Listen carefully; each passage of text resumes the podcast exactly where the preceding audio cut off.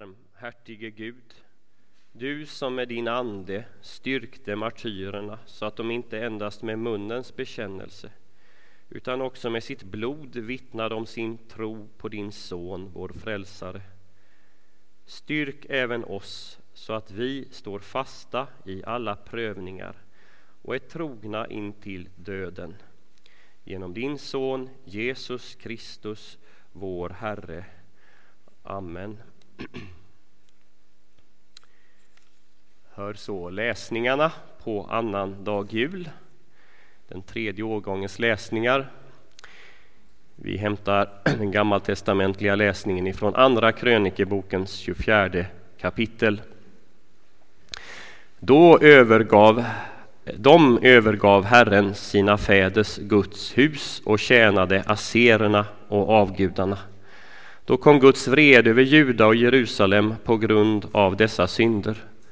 Och profeter blev sända till dem för att få dem att vända om till Herren. Och dessa varnade dem, men de lyssnade inte till dem. Men Sakarja, prästen Jojadas son, hade blivit beklädd med Guds andes kraft. Han trädde fram inför folket och sa till dem, så säger Gud, varför överträder ni Herrens bud? Det kan inte sluta lyckligt. Eftersom ni har övergivit Herren har han också övergivit er. Då sammangaddade de sig mot honom och på kungens befallning stenade de honom på förgården till Herrens hus.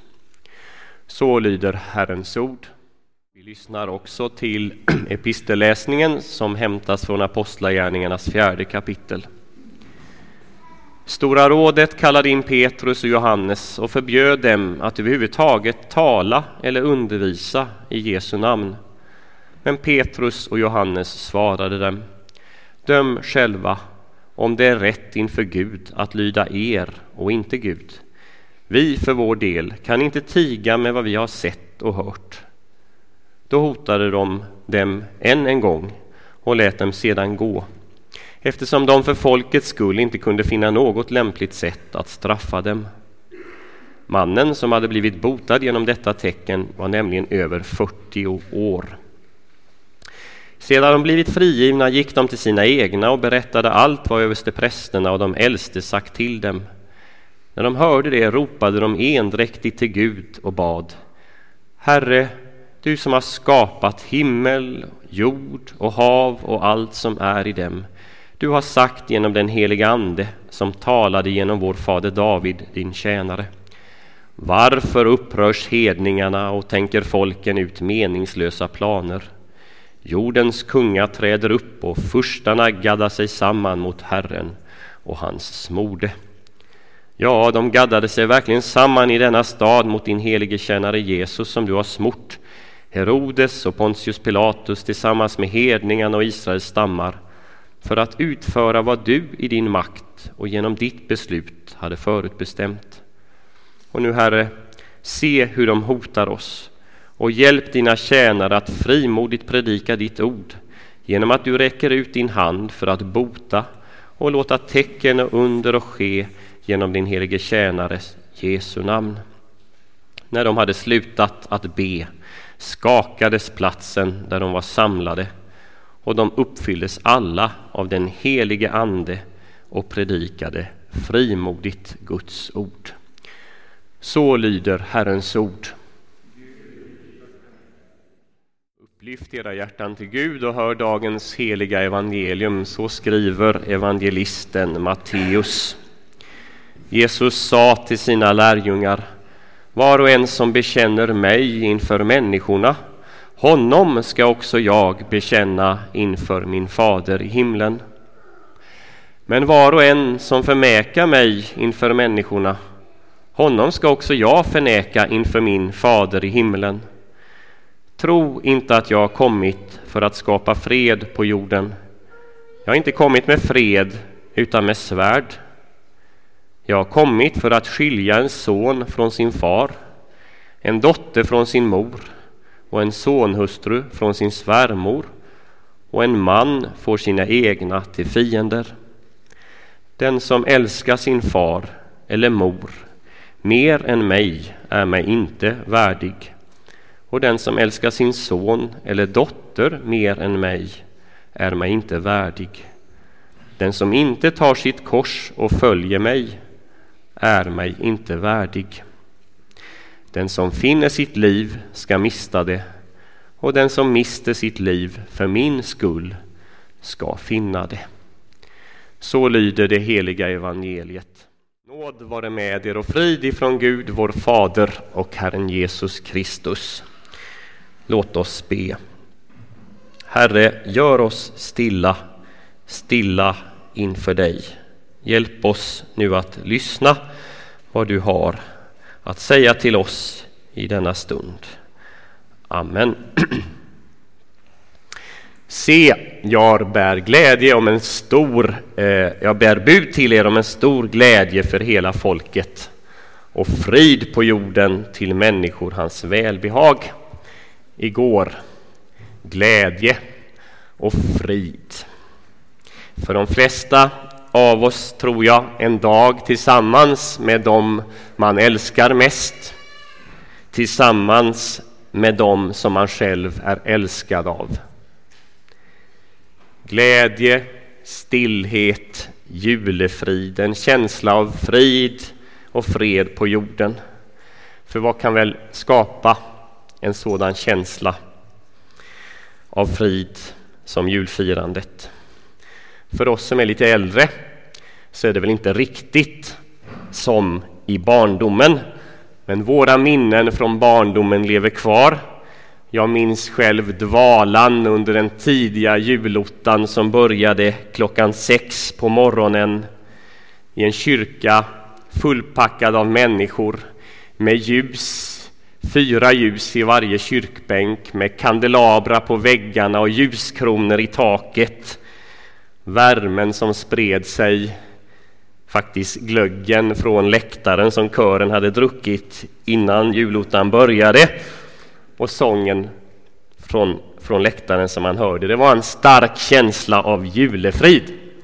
Men så idag, dagen efter, ett chockerande ord till julfiraren. Det är som att få en hink med kallvatten rätt i ansiktet. Jag har inte kommit med frid, med fred, utan med svärd, säger Jesus. Det är ett bryskt uppvaknande ur julefriden. Hade inte änglarna sagt att han skulle komma med frid? Och så säger han istället att hans kommande leder till svärd. Och till det kommer dessutom krav som man ställer till julfiraren. Du är mig inte värdig om och så vidare. Evangelieläsningen på annandag jul den ställer julfiraren inför en viktig, ja, en för tid och evighet avgörande fråga. Hur mycket är Jesus värd för mig egentligen? Vad får han kosta dig?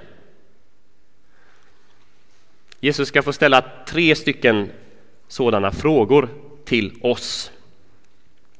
Och den första frågan blir den här. Är jag värd rättegångar? Är jag värd rättegångar? Vi hörde att Jesus sa så här i texten. Var och en som bekänner mig. Det här ordet bekänna på grekiska, på det språk som, som det är skrivet på, det är en juridisk term. Det är alltså ett ord som man använder vid rättegångar i domstolar. Vår läsning idag det är hämtat ifrån det vi kallar Jesu utsändningstal som vi hittar i Matteus tionde kapitel. Här ger Jesus instruktioner till sina lärjungar om hur de ska gå ut och förkunna honom. Först i Judas städer och sen så är det instruktioner som också gäller för världsmissionen. Men den största delen av det här talet handlar faktiskt om vad som kommer hända med lärjungarna när de går ut. Jesus förutsäger bland annat att de kommer att få ställas inför kungar och inför landshövdingar, både judiska och hedniska. Vad betyder det? Jo, det betyder att de kommer att få ställas inför rätta. Och nu är det så att han börjar vår läsning med ett underbart löfte till julfiraren som är en bekännare. Var och en som i den situationen, i rättegångssituationen, bekänner Jesus, den personen ska Jesus bekänna inför sin fader i världshistoriens största och sista rättegång, då när varje människa som levat på den här jorden måste träda fram inför Guds domstol. Det gäller dig och mig, var och en som i år firat jul och firar jul. Att då bli bekänd av Jesus, det betyder att man blir dömd till att få gå in i den eviga glädjen hos Gud. Men nu finns det en annan sida av saken. Man kan också förneka. Och den som förnekar Jesus inför domstolen, den kommer också Jesus att förneka inför Guds domstol. Jesus han förutser här att julfirarna kommer att få ställas inför ordentliga prov. Prov som är fyllda av allt annat än julglädje och frid. Och det här är på allvar. För som du förhåller dig till Jesus i de här situationerna så kommer han också att förhålla sig till dig på den sista dagen. Men nu är det här med att bekänna inte bara begränsat till offentliga rättegångar. Det kan vi förstå av hur, hur Matteus, evangelisten, använder det här ordet förneka. Han använder det nämligen bara vid två andra tillfällen i sitt evangelium. Och han gör det när Petrus befinner sig på översteprästens gård och där förnekar Jesus. Petrus står ju inte inför rätta, det är Jesus som gör det. Petrus rättegång den är mer informell. Han får några enkla frågor om han känner Jesus, om han är en av hans lärjungar. Och han som själv precis har hört de orden som du och jag har hört idag. Att den som förnekar honom inför människor, den ska Jesus förneka. Den Petrus, han gör precis det Jesus nu har talat om. Han förnekar Jesus. Ni vet alla att det i vår tid finns människor som bokstavligen ställs inför rätta därför att de tror på Jesus. Det sker i länder med muslimsk regering det sker i Nordkorea och kanske på andra platser. Det sker normalt sett inte här i Sverige. Men informella små rättegångar, det kan vi ändå råka ut för dagligdags. Man kan råka ut för det i skolan, från lärare eller klasskamrater. Man kan råka ut för det som vuxen på jobbet. Man kanske till och med riskerar att förlora sitt arbete om man inte ställer upp på vissa saker. Så frågan blir, är Jesus värd så mycket att jag är beredd att riskera mitt jobb? Är han värd så mycket att jag kan stå ut med mobbning från mina klasskamrater? Eller bli uthängd på sociala medier. Är Jesus värd det egentligen, det lilla Jesusbarnet? Om man nu svarar ja på den frågan, och han är värd det, Jesus är värd det, då kanske man blir ganska skrajsen. Vågar jag verkligen bekänna när det blir allvar?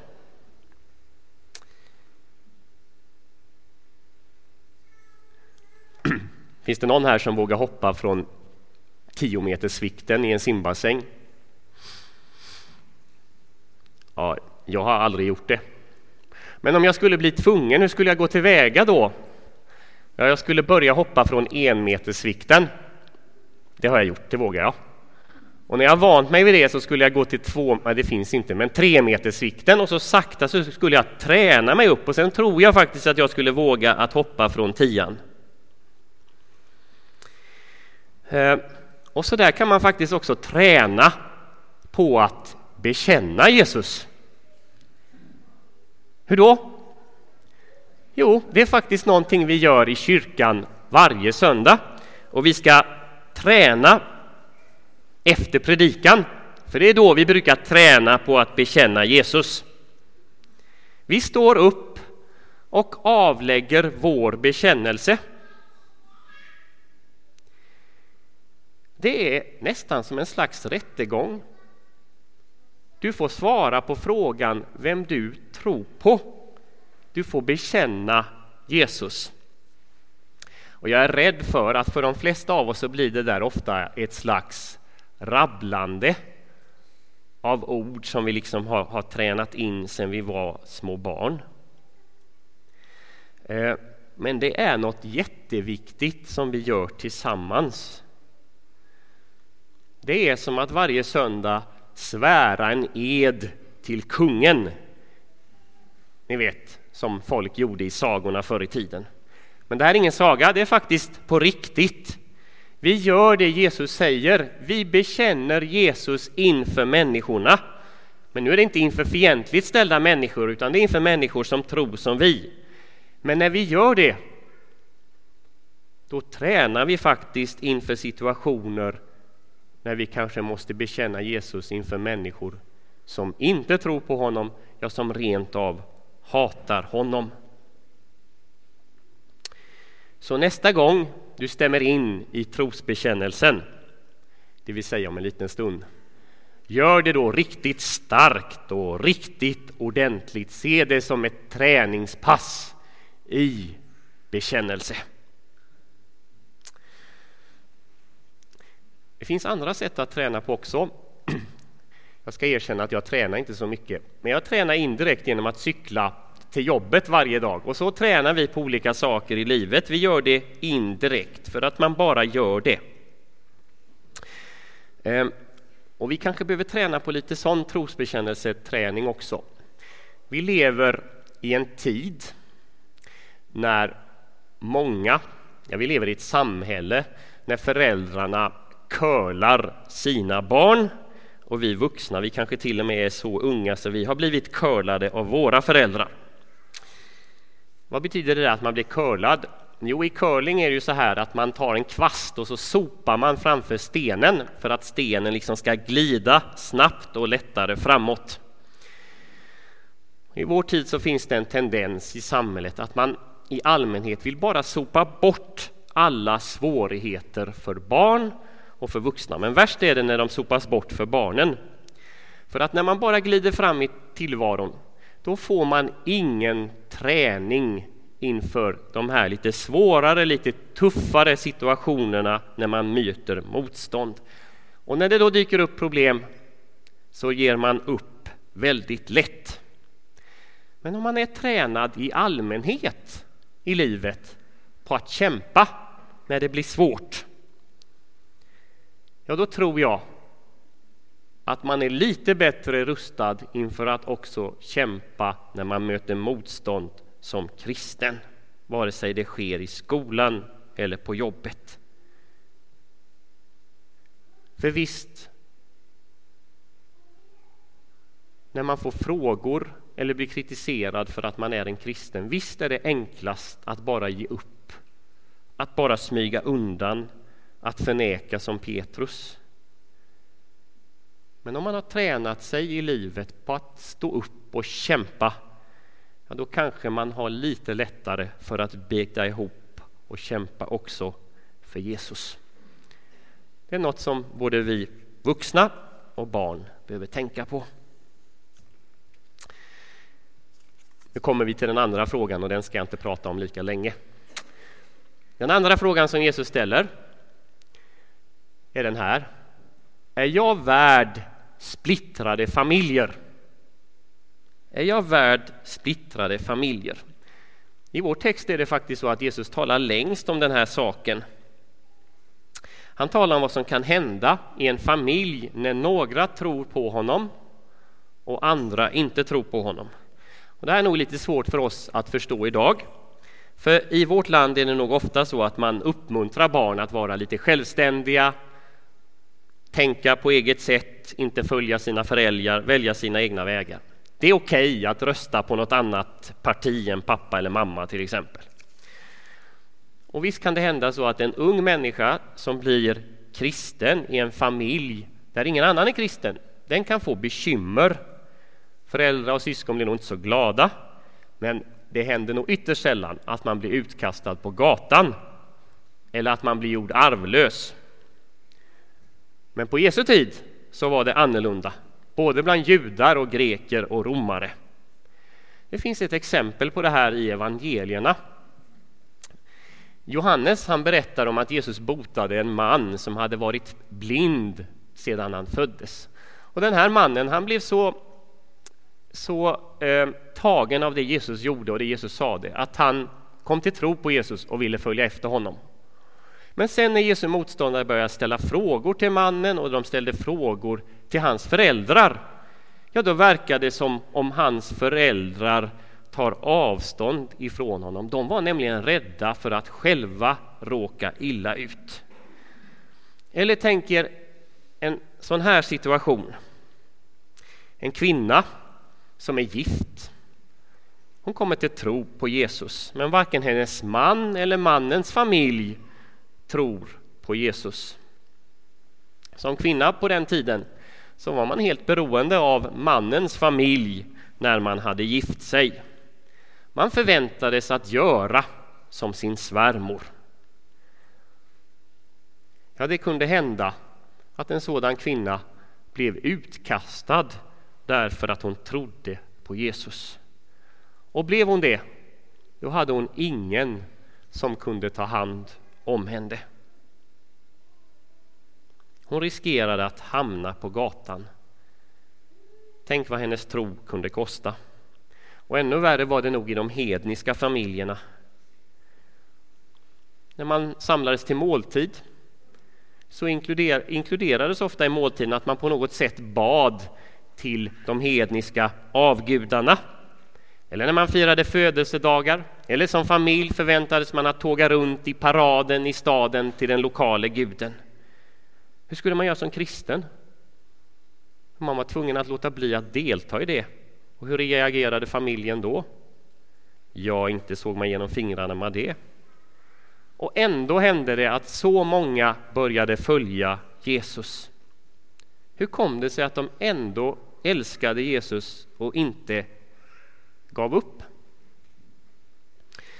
Ja, för det första så hade han säkert gjort någonting för dem som ingen annan hade gjort. Han hade lättat deras börda av synd och bekymmer och befriat dem. Och dessutom var det så att han lovade ett liv efter detta som skulle vara mycket bättre än li livet de levde. Så var det faktiskt en sak till. Den kristna församlingen var som en enda jättestor familj som ersatte den egna familjen och som faktiskt hjälpte dem som blev åsidosatta och utkastade. För dig som är i kyrkan idag så handlar det kanske inte i första hand om familjerelationer som riskeras, även om det kanske är så för någon. Men det är kanske relationer med vänner och arbetskamrater. Idag frågar Jesus Är jag värd mer än dina relationer?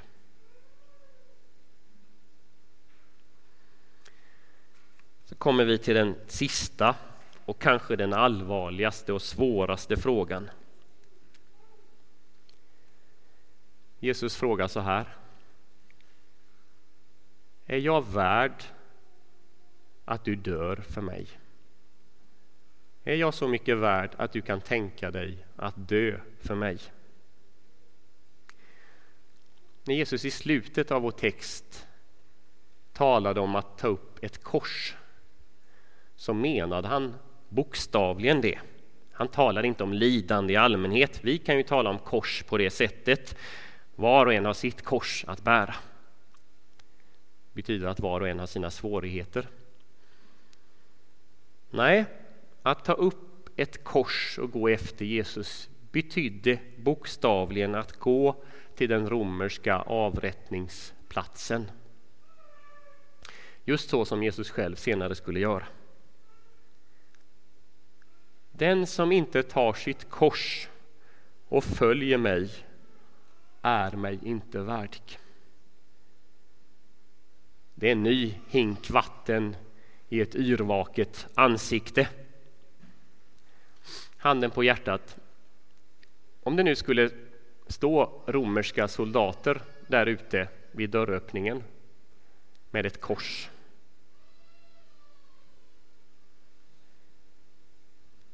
Hur skulle du reagera?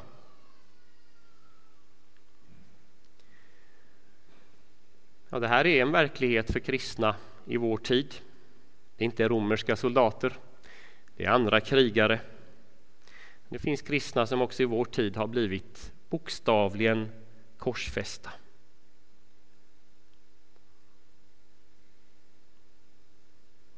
Hur mycket är han värd? Är du beredd att gå i döden för honom?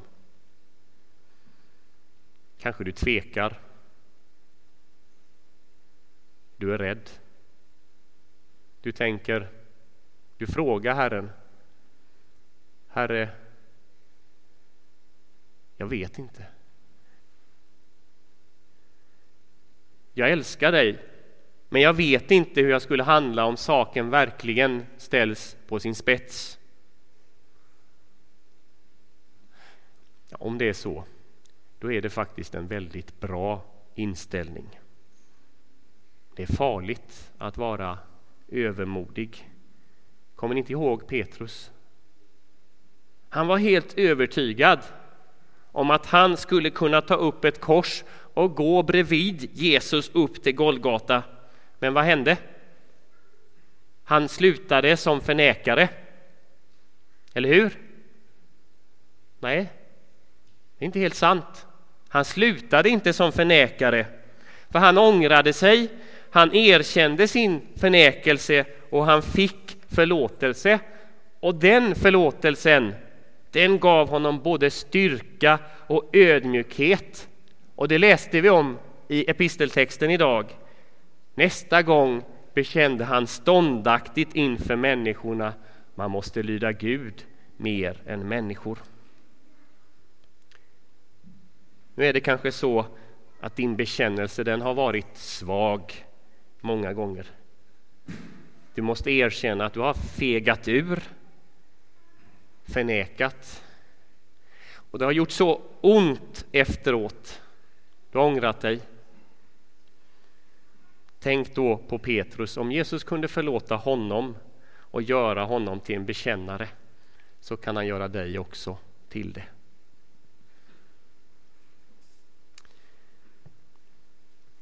Är Jesus värd din bekännelse? Är han värd relationer? Är han värd till och med att gå i döden för? Och den frågan ställs till alla julfirare i år. Den har ställts till dig och till mig. Nu är det kanske inte så att julkänslorna räcker för att besvara den frågan med ett ja. Då ger Jesus dig en ännu bättre anledning idag. Det finns ett liv efter detta. Ett liv som långt, långt överträffar livet som vi lever här och nu. Det är ett liv som erbjuds var och en som är beredd att offra något i det här livet för Jesus skull. Han som hade sitt ursprung före tiden men som fötts ibland oss lovar nu dig och mig. Du som mister ditt liv för min skull, du ska finna det. Amen.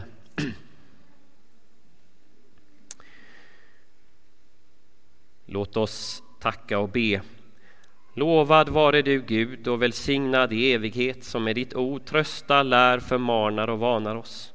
Må din heliga Ande stadfästa ordet i våra hjärtan så att vi inte glömmer det utan varje dag växer till i tro, hopp, kärlek och tålamod och så blir bevarade in till slutet genom Jesus Kristus, vår Herre. Amen låt oss nu stå upp och bekänna vår kristna tro. Vi tror på Gud Fader allsmäktig, himmelens och jordens skapare. Vi tror och på Jesus Kristus, hans enfödde Son, vår Herre, vilken är avlad av den helige Ande, född av jungfrun Maria, pinad under Pontius Pilatus, korsfäst, död och begraven, nederstigen till dödsriket, på tredje dagen uppstånden igen ifrån de döda, uppstigen till himmelen, sittande på allsmäktig Gud Faders högra sida, därifrån igenkommande till att döma levande och döda. Vi tror och på den helige Ande, en helig allmännelig kyrka, det heliga samfund, syndernas förlåtelse, kroppens uppståndelse och ett evigt liv.